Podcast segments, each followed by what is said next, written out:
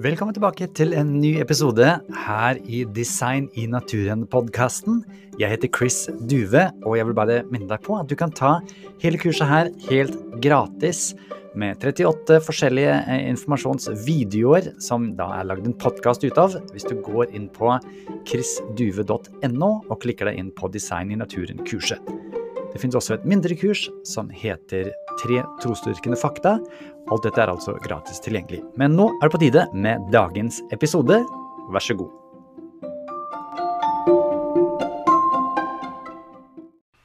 Hei, det er Chris her, og i denne undervisningsvideoen skal det handle om en motor med mening, og denne har jeg gleda meg til, fordi flagellen, det er noe helt for seg sjøl, altså. Som du husker, så sa Charles Darwin at hvis det kunne bli demonstrert at det fantes et hvilket som helst komplekst organ som det ikke var mulig å forme med mangfoldige små endringer påfølgende, så ville teorien bryte sammen. Men han fant ingen slike tilfeller. Men det tror jeg du og jeg har gjort i løpet av kurset. Du husker ATP-motoren fra um, en tidligere video, og i dag skal det altså handle om flagellmotoren. Det skal også handle om den har ikke ikke reduserbar kompleksitet eller ikke? Har det noen funksjoner hvis man tar bort en to-tre deler og kan gjøre noe annet? Bygge seg litt og litt?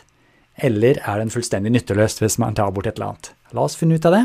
Først professor dr. Steinar Thorvaldsen med en informasjonsvideo om hva flagellen er for noe.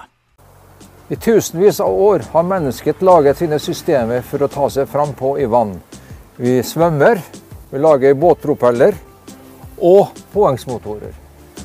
Men lenge før mennesket tok patent på sine framdriftssystemer, hadde naturen en metode for å framdrift i vann. Nå skal du få høre om flagellemotoren.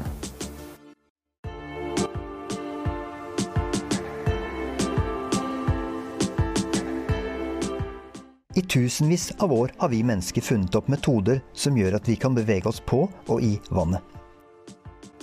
Men lenge før vi oppfant disse systemene, så utviklet naturen selv sine egne metoder for å bevege seg gjennom flytende væske. Og ikke bare fisk og sjøpattedyr, men også i organismer som er så små at de ikke kan ses med det blotte øyet. Det kanskje mest fantastiske fremdriftssystemet som vi har sett på hele vår planet, det er det som finnes inni bakterier. Flagellen er en miniatyrpropell drevet av en motor som igjen består av en rekke forskjellige mekaniske deler, alt laget av proteiner. Motoren ligner de motorene som vi mennesker har laget, med de samme komponentene som clutch, lager, stator, rotor og en aksling. Alt laget av proteiner.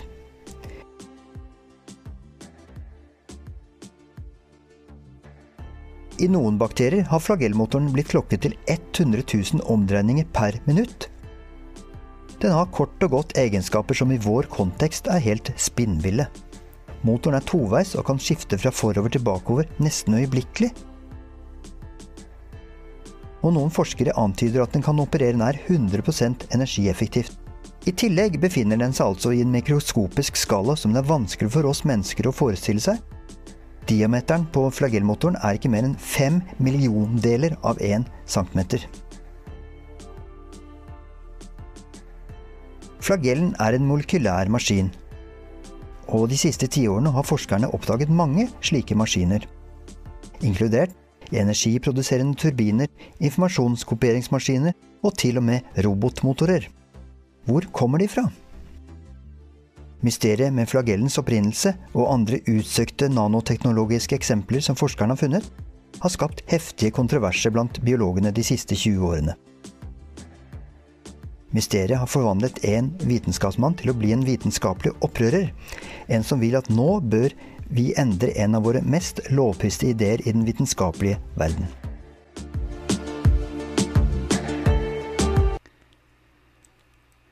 Og dette ser jo hakket mer komplekst ut enn en musefelle, pluss at det er en motor, det flytter på seg, det har funksjoner, det kan styres med feedback loops, ikke sant? det er revers og 100 000 dreininger og venstre, høyre osv. osv. Men så er dette bare en eh, ja, tegning. Nå skal vi se på nye vitenskapelige oppdagelser om dette.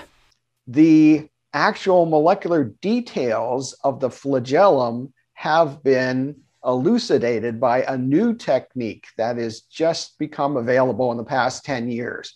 This is the bottom, uh, the motor plus the, the hook region of the flagellum. Wow. And uh, here it is. Here's a little GIF that's end on.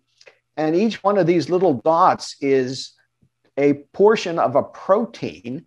There are tens of thousands of different components of this machine. And so it's, it's much more complex, much more detailed than those cartoon drawings. Here's, here's a nice little uh, uh, uh, movie of it spinning. Uh, you can see this is the motor. It actually uses a, a, series of charges to turn the drive shaft here. This is the uh, this is the um, universal joint up here. Uh, so it's much much more complicated than even the best uh, uh textbooks made it seem up until just recently. And it's electric, you say?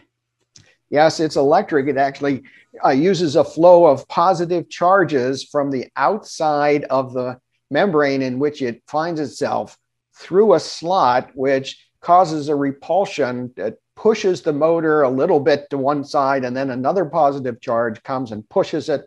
So yes, it's it's using electrical uh, electrical electrical energy to to turn this motor. So, so my my immediate question would be, how did it know that it one day was going to use the electricity to turn. Så da kan vi spørre en gang til. Er dette flere deler i samme system? Det ser ut som det er det. Dersom en av delene ikke fungerer, så er hele systemet bortkasta. Og ingen funksjon. Og en bakterie som har en død motor hengende eh, på rumpa, holdt jeg på å si, den kommer ikke til å bli selektert så veldig mye videre framover.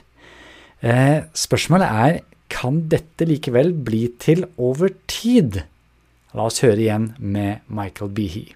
What's what's against that over time stuff? You know, you build. I mean, look at that picture. If you start at the bottom with a little, you know, protein, and you build, you know, one more, and you add a couple of million years, you know. yeah. So if you if you do uh, kind of simple calculations, it it would take you know forever to do this.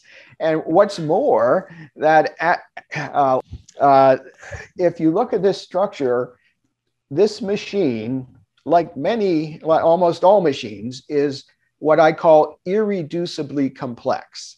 And that means that it needs a number of parts to work. If the flagellum didn't have the motor, it wouldn't spin. It wouldn't be a, it wouldn't be a uh, outboard motor. If it didn't have the propeller, it wouldn't work. If it didn't have this hook region that attached the one to the other, it wouldn't work. So it's irreducible, means you can't reduce it, and it's complex because it's got a number of parts.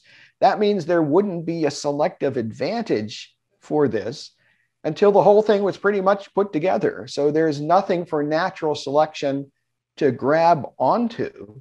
Okay, so, so halfway, basically, it's not attractive to have because it's dead weight. Exactly. Yeah, that's right. if you had a had your boat out on the ford and uh, tried to uh, move it with a, an outboard motor that didn't have a propeller, uh, you wouldn't get too far. Noen av dere stussa kanskje på at det ville ta en evighet til å bygge den her, og grunnen til at han sier det, er at vi nå kan kalkulere i forhold til hvor mange bakterier som har dette her. Hvor lang tid tar det før de på en måte fordobler seg? Eh, og hva slags genendringer det ønsker du. Og dette er vanlige evolusjonsregnestykker i forhold til hvor lang tid ting tar. Og når du plotter inn dette her, så er det altså så mye som må bygges og endres og ordnes, at det er helt sant. Det tar eh, lengre tid å bygge dette her enn det har vært liv på jorden. Men i denne leksjonen så har du altså lært at flagellmotoren er en propellignende maskin som gir bakterier styrbar fremdrift høyre, venstre, revers osv. Det er feedback loop, så bakterien kan altså styre hvor denne propellen skal styre hen. Flagellen er elektrisk og nesten 100% effektiv med 100 000 omdreininger i minuttet. Det er jo helt vilt. Og den er ikke reduserbar i sin kompleksitet. Tar du bort en liten del, så er hele greia ødelagt. Nå er det tid for action. du kan nå tenke litt over det vi har hatt om i denne leksjonen, og tenke hva er det mange bakterier har som motor? Dette kan du. Kan du fortelle noe om denne motoren? Hva nå igjen het igjen? Jeg tror du husker det. Hvorfor får Darwins mekanismer ikke til å bygge en slik motor over tid? Det har jo med tematikken for hele modulen å gjøre. Så dette klarer du. Det var en annen måte å tenke på. Det var en veldig annen måte å tenke på. Jeg blir fortsatt veldig fascinert av alt sammen. Og så syns jeg det var interessant det her med eh, at evolusjonen eh, Ja, det går oppover, men det går også nedover. Eller sånn at selv om, selv om det tilpasser seg, Ja. så vil det ikke nødvendigvis si at, uh, at på en måte genetikken uh, går oppover.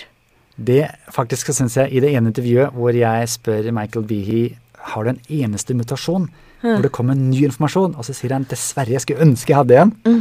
Dessverre. Så det er en ting å ta med seg at ja, evolusjon er jo kjempeflink til å tilpasse. Tenk for en ting Darwin fant ut. At organismer greier å tilpasse seg i forskjellige områder, liv, når det er kaldt osv. Ja. At enzymene da kan lese genkoden annerledes. Men at det blir nye genkoder og nyskapende nye mm, ja, kroppsdeler, det får ikke evolusjon til, det ser det ut som. Spennende. Rett og slett spennende. Veldig spennende. I neste modul skal vi snakke om trenger naturen en plan for å få til eh, det som er, eller kan det gå av seg selv? Vi ser på saken. Takk for nå.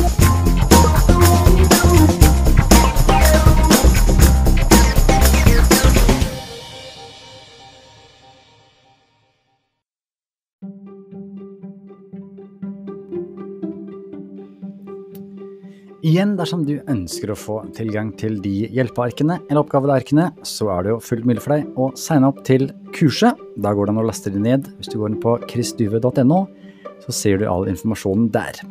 Dersom du ønsker å støtte denne podkasten og annet arbeide som jeg holder på med, kan du også lese mer om det på chrisduve.no. Takk for nå.